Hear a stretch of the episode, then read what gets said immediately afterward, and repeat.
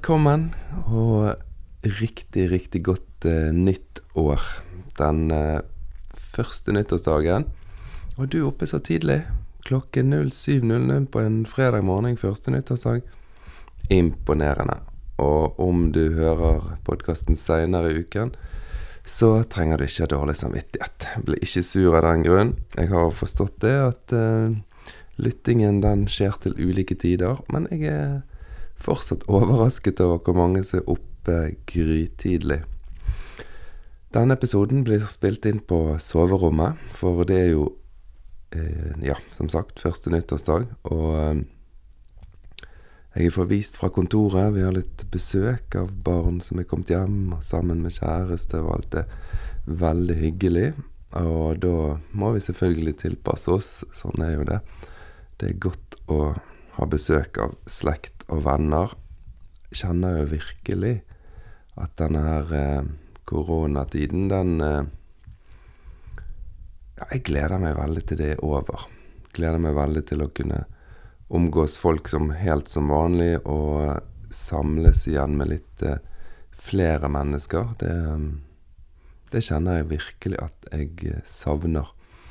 Jeg vet ikke hva du savner etter eh, alle disse månedene med såpass spesielle situasjoner. Men um, det er verdt å tenke over. Og denne her, første nyttårsdagen, og egentlig den uken som ligger fremfor oss nå, det har jeg nevnt før. Det syns jeg er en av de fineste periodene i løpet av året. Det er det at du avslutter noe. Vi er jo egentlig avsluttet når det gjelder 2020. Og så begynner du på noe som er helt uskrevet. Noe som er helt blankt, og som du ikke helt vet hva blir av. Du har kanskje noen drømmer, noen ønsker, noen planer. Men denne overgangen der, åh, oh, den er så fin. Da kan du ta frem telefonen din, og så kan du bla gjennom bildene fra det året som har vært. Og så kan du minnes de ulike folkene du har truffet, situasjonene du har vært i, opplevelser du har hatt dette året. Og så kan du garantert så kommer du til å kjenne på takknemlighet, og så kommer du til å minnes noen ting som du bare tenker åh, hvorfor var jeg med på det der? Det var kjedelig. Eller det var meningsløst, og det skulle jeg aldri prioritert. Altså, du får litt begge deler. Men det er grådig fint.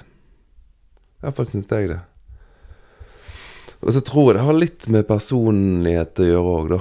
Den her eh, enorme forventningen jeg får når noe er uskrevet, noe ligger blankt, og så du kan bare fylle det med ønsker og planer og drømmer.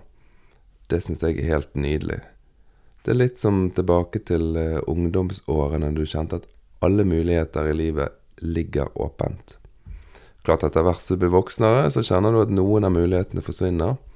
Altså, det skal jo noe til at jeg blir kjempegod fotballspiller nå. Det begynner å bli litt seint å ta opp den saken. Så en del muligheter har jo forsvunnet, men fortsatt er det sånn at når et nytt år ligger framfor meg, åh, da kjenner jeg på alle mulighetene som fins, og det er helt strålende.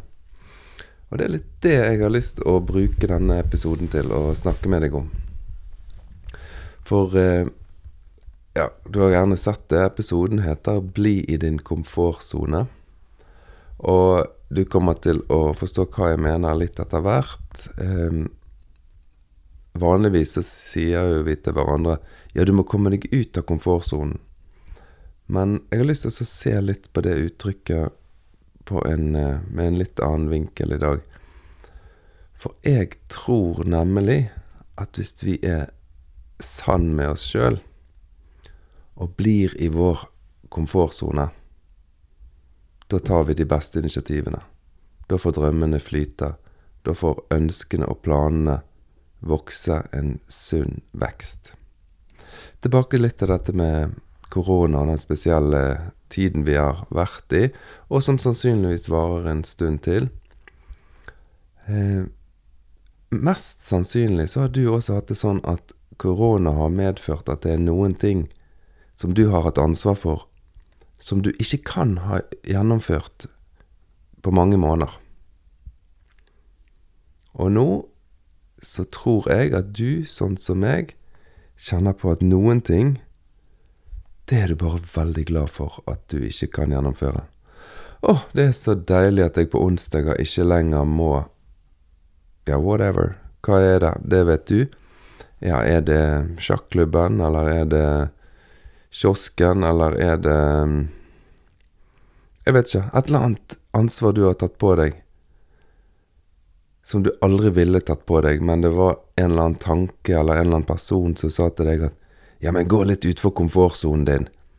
Noen må jo ta ansvar for det. Hvis ingen tar ansvar for det, så blir det ikke gjort. Og så har du holdt på i tre år, hver onsdag eller annenhver torsdag eller et eller annet sånt, med noe som du faktisk kjenner hver torsdag når du står opp, at nei, det er torsdag, og i dag må jeg Nei. Og så har du kjent når koronaen har stengt ned den muligheten, at du bare å, det er torsdag, og jeg skal ikke på mm. Eller jeg har ikke ansvar for uh. Det er så deilig. Det er så utrolig deilig, og det er så sunt å ta en sånn pause. Ta en sånn stopp. Og nå, enten vi vil det eller ikke, så tror jeg de fleste av oss har kjent på noen ting som du faktisk er sånn jeg er jammen meg glad for at det ble en tvunget pause, en tvunget stopp, på dette området. Og jeg gruer meg til jeg skal i gang igjen med akkurat dette. Ja, kanskje 2021 er det året der du da bare blir i din komfortsone og sier Nei, den saken som jeg kjente at jeg gruet meg for en gang i uken, annenhver uke, et eller annet Nei, den den begynner jeg bare ikke på igjen. Ja, men Tor, hvis ikke jeg begynner på igjen da, så er det ingen som gjør det. Nei vel? Så kanskje la ingen gjøre det, da. Ja, men hva med sjakklubben, da? Ja vel. Hvis ikke den sjakken er så kjekk at uh, det er liv, så la den være, da. Må du holde det oppe? Jeg så en, uh, et ektepar som skrev at de var så aktive i en organisasjon. Og de hadde kjent det som så nydelig å ikke ha alle disse samlingene og ansvarene på seg gjennom korona, og de følte skikkelig dårlig samvittighet for at de hadde glede over at de hadde sluppet å holde oppe alle disse oppgavene de hadde i den organisasjonen og de lurte på, det var en sånn anonym spørsmål, og de lurte på om de hadde lov å kjenne på dette, eller om det var grunn for å ha dårlig samvittighet. Fordi at de hadde bare ikke lyst til å gå tilbake til det kjøret og det tempoet og den actionen som de holdt på med før korona. Korona var kommet som en gave for deres ekteskap. Tenk på det, du. Får ikke du lyst til å si til de folkene ja, men bare bli i din komfortsone? Og så lar dere initiativene komme etter hvert som livet bringer de inn. For det å være i min komfortsone, det har jeg lært at det medfører ganske mange initiativer og ideer. Det er ingen som trenger å si til meg 'Tor, nå må du gå ut av din komfortsone'. For hvis jeg er ærlig med meg sjøl, og lever i min komfortsone, der jeg trives, og med det jeg trives med, så er det ikke sånn at det blir mindre initiativ, eller at jeg bryr meg mindre om folk, eller det kommer færre mennesker på besøk i leiligheten, og færre som spiser middag, eller færre mennesker jeg ringer og prater med, og ja, færre ting jeg er involvert i. Det er bare det at det jeg blir involvert i, er ting som gir meg energi og som gjør at jeg har lyst til å gjøre mer. Så min oppfordring til meg sjøl, og som jeg håper etter deg òg, det er bli i din komfortsone. Ja, men Tor, mener du at vi skal bare sitte på ræven og se på Netflix og spise chips? Nei, for det er nok ikke din komfortsone. Det kan være en god avkobling. Men hvis du er ærlig med deg sjøl, og kjenner på hva som fins på innsiden, så vil du merke at din komfortsone helt sikkert inneholder mye liv. Mye spennende. Men ikke prøv å gå inn i noen andre sin komfortsone. Det er så typisk oss. Vi driver og sammenligner oss med andre, og så tenker vi at ja, jeg må ut av min komfortsone, så jeg må bli mer sånn som han. Et veldig godt eksempel. Jeg har en eh, god kamerat. Eh, når jeg hadde gikk med tanken om dette med å starte podkast og skrive bok osv., så, videre, så pratet jeg litt med han, for han er så stabil og god i den jobben han har. Han har gjort den jobben en del år, og han gjør han veldig bra. Og jeg merker at han utvikler arbeidet sitt litt og litt, og bare gjør det med bedre og bedre kvalitet. Og jeg tenkte åh, kan jeg, kunne ikke jeg bare være sånn som han? Kunne ikke jeg bare slå meg til ro med denne jobben og gjøre den bedre og bedre, og bare være tålmodig og fornuftig og klok? Men så nevnte jeg for han eh, de tankene jeg hadde om podkast og bok, og at jeg ville gjøre noen endringer. Og da sier han ja, kanskje jeg òg burde gjort noen endringer, da. For, for, du må gjøre det så du tenker på noe. Du må bare kjøre på. Å, jeg skulle ønske at jeg hadde sånne tanker som du har her. Så da satt vi på en måte og ønsket å komme inn i hverandres komfortsoner, da. Der å kjenne glede over det som den andre kjenner glede med. Istedenfor å like at vi er komfortable i hver våre roller og personligheter. Så jeg utfordrer deg til å være i din komfortsone. Og da lover jeg deg at det kommer til å gi deg mange dager med der du er redd. Bare nei, skal jeg gjøre dette? Ja, det koker på innsiden. Det trykker på at jeg må gå denne veien her. Jeg må gjøre disse sakene her. Og Normalt sett så ville det vært en situasjon der du får høre ja, nå må du gå ut av din komfortsone og gjøre dette her. Men jeg tror at hvis du kjenner etter, så kjenner du at nei, det er den egentlige komfortsonen. Det er der jeg trives. Det er når jeg går denne veien her, når jeg våger å gjøre dette. Ja, men da blir alle disse sur på meg. Da vil alle disse tenke at jeg er rar i hodet og helt sprø som velger noe sånt. Nettopp. Når du er i din komfortsone, så blir det ofte ukomfortabelt, rart, og du blir redd. Men det er da det ekte livet finnes. finnes. En veldig fin fortelling da når Han er kanskje ikke så fin, han er jo, han er jo litt sprø, den David og Goliat-fortellingen. Der det er en ung gutt som skal ut og kjempe med en kriger, en erfaren kriger, en stor mann. Og det de selvfølgelig gjør da, før han skal ut i den krigen, det er at de finner frem en heftig rustning til denne David, og sier 'ta på deg denne rustningen, sånn at du kan gå i krigen her'. Og da har disse forfatterne som skriver den fortellingen, lagt inn en tanke som jeg syns er veldig kul, da. For når han tar på seg den rustningen, så merker han at 'nei, dette er ikke jeg vant med'. Dette er ikke min Dette er ikke meg. Nei, gi meg heller den eh, gjeterstaven min, og gi meg slyngen min. For jeg er vant til å kjempe mot bjørn og, og løve, og da, bruker jeg eh, stav og slynge og min egen drakt. Og det er ganske Jeg liker at de har lagt inn den detaljen i fortellingen, da, fordi at det handler jo om å ikke prøve å ta på seg noen annen sin rustning, ikke prøve å være en annen det må være i din komfortsone. Det må være i det som jeg trives med, det som du trives med, det som er deg. Det er det du må møte livet med. Du kan ikke møte livet med det som er en annen.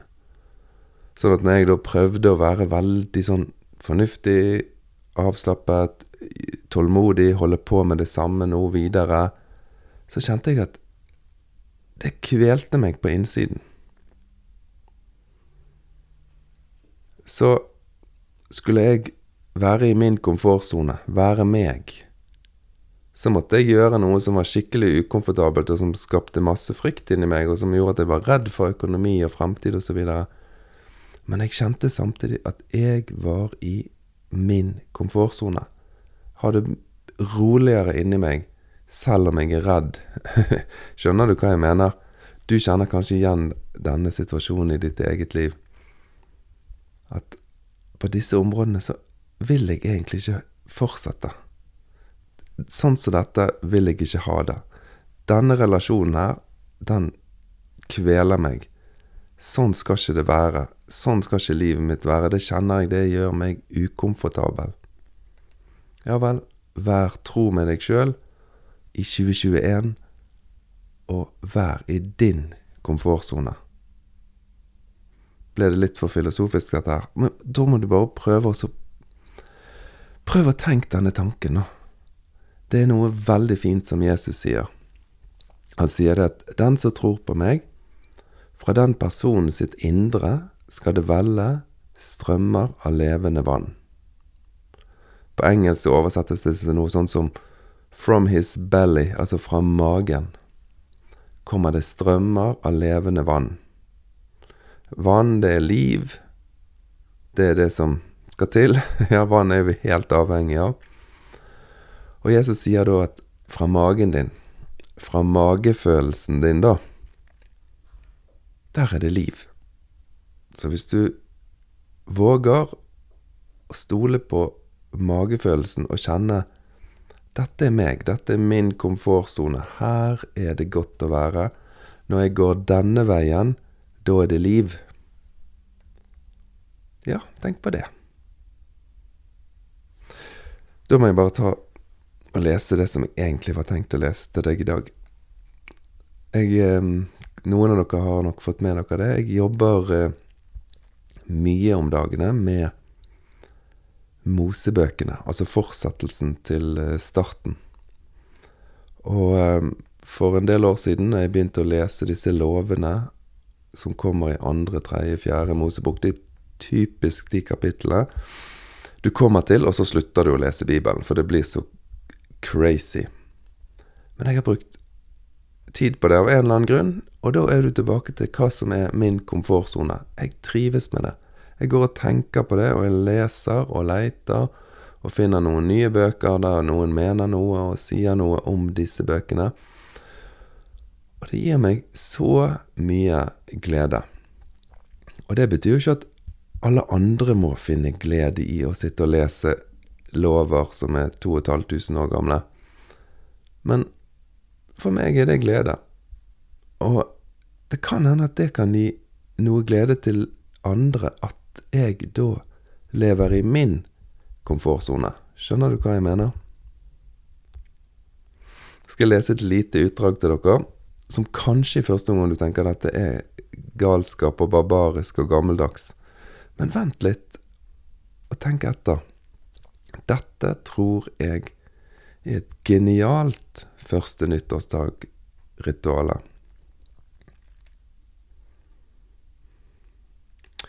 Da er det presten Aron som får beskjed. Når han har fullført soningen for helligdommen, så skal han føre frem en levende bukk.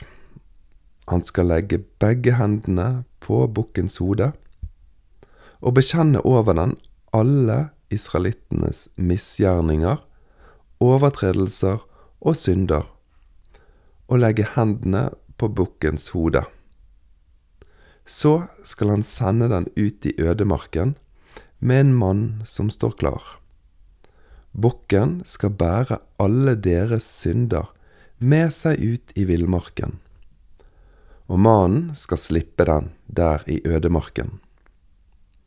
Deretter skal Aron gå inn i møteteltet og ta av seg linklærne som han hadde på da han gikk inn i helligdommen, og han skal legge dem der.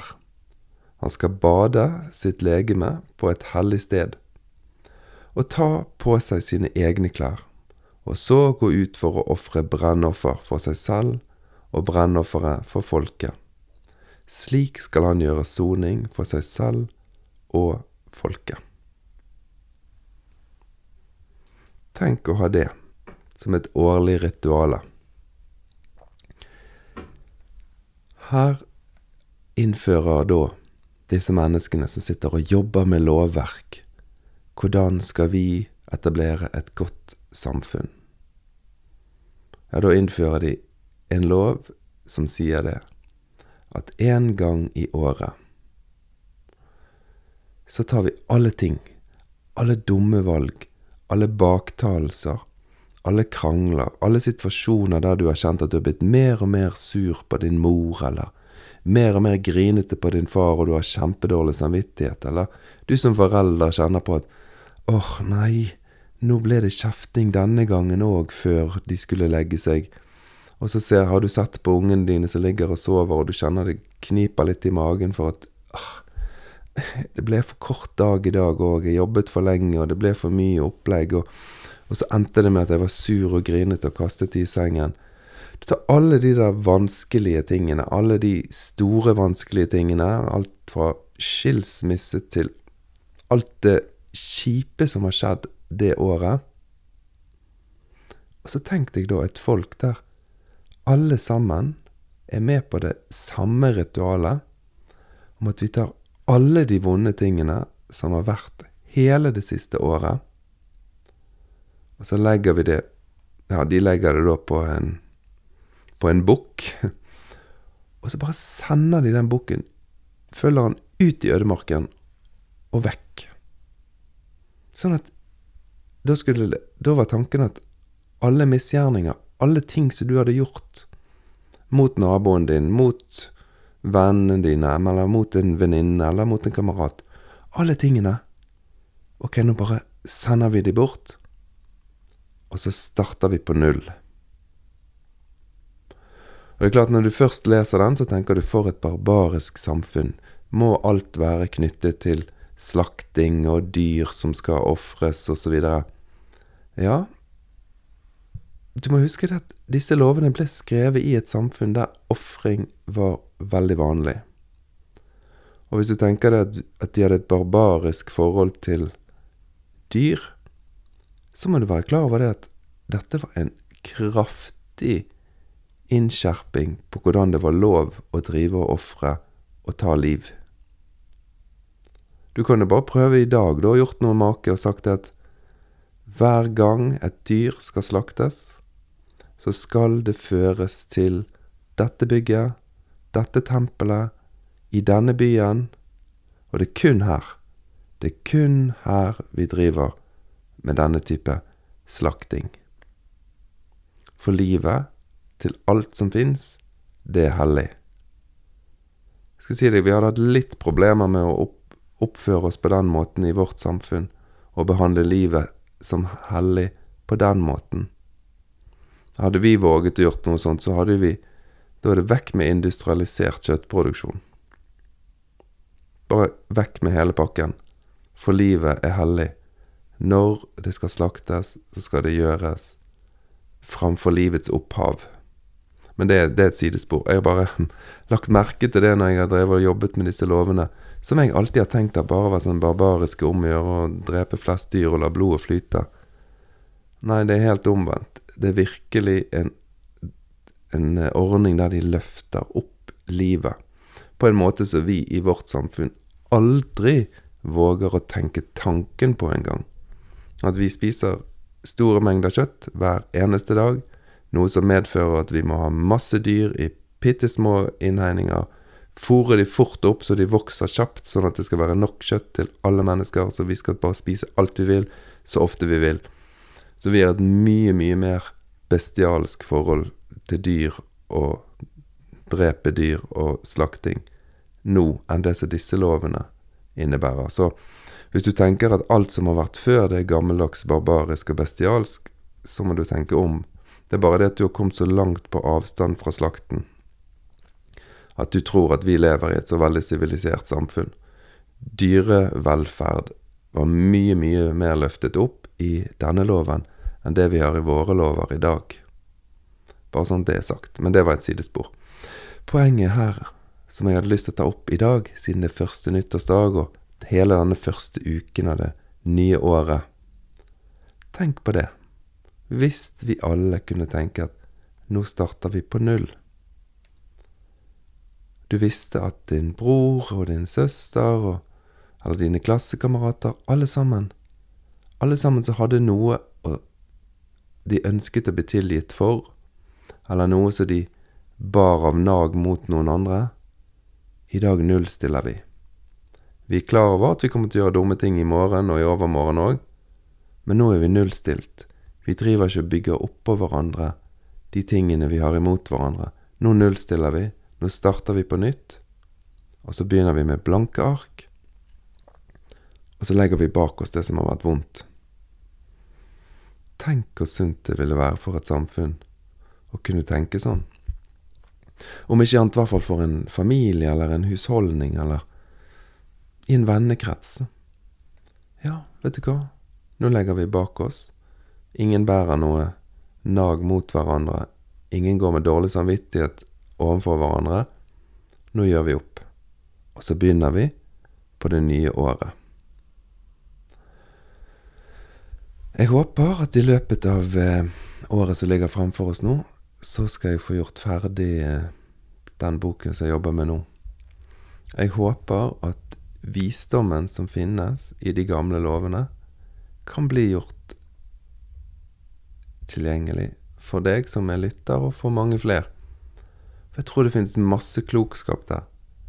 Klokskap som eh, vi overser, for vi tenker at dette er gamle og bestialske holdninger. Og da håper jeg du også har fått med deg at jeg ikke tror at vi skal tilbake til den moralen som var i samfunnet på den tiden. Men vi må se hvordan lovene ble bygget for å lage det gode samfunnet, der vi tar oss av hverandre, der vi finner rom og mulighet for tilgivelse, der vi finner rom og mulighet for å starte på nytt. Og når du nå starter på nytt, på nytt år, så håper jeg at det du tar med deg fra Torhåp og ærlighet-podkasten i hvert fall, det er at i 2021 så skal du leve i din komfortsone. Også når det er utfordrende. Også når du kjenner på at forventningene rundt deg vil at du skal være en annen. Så må du finne din komfortsone, din stav og din slynge, ikke rustningen til noen andre.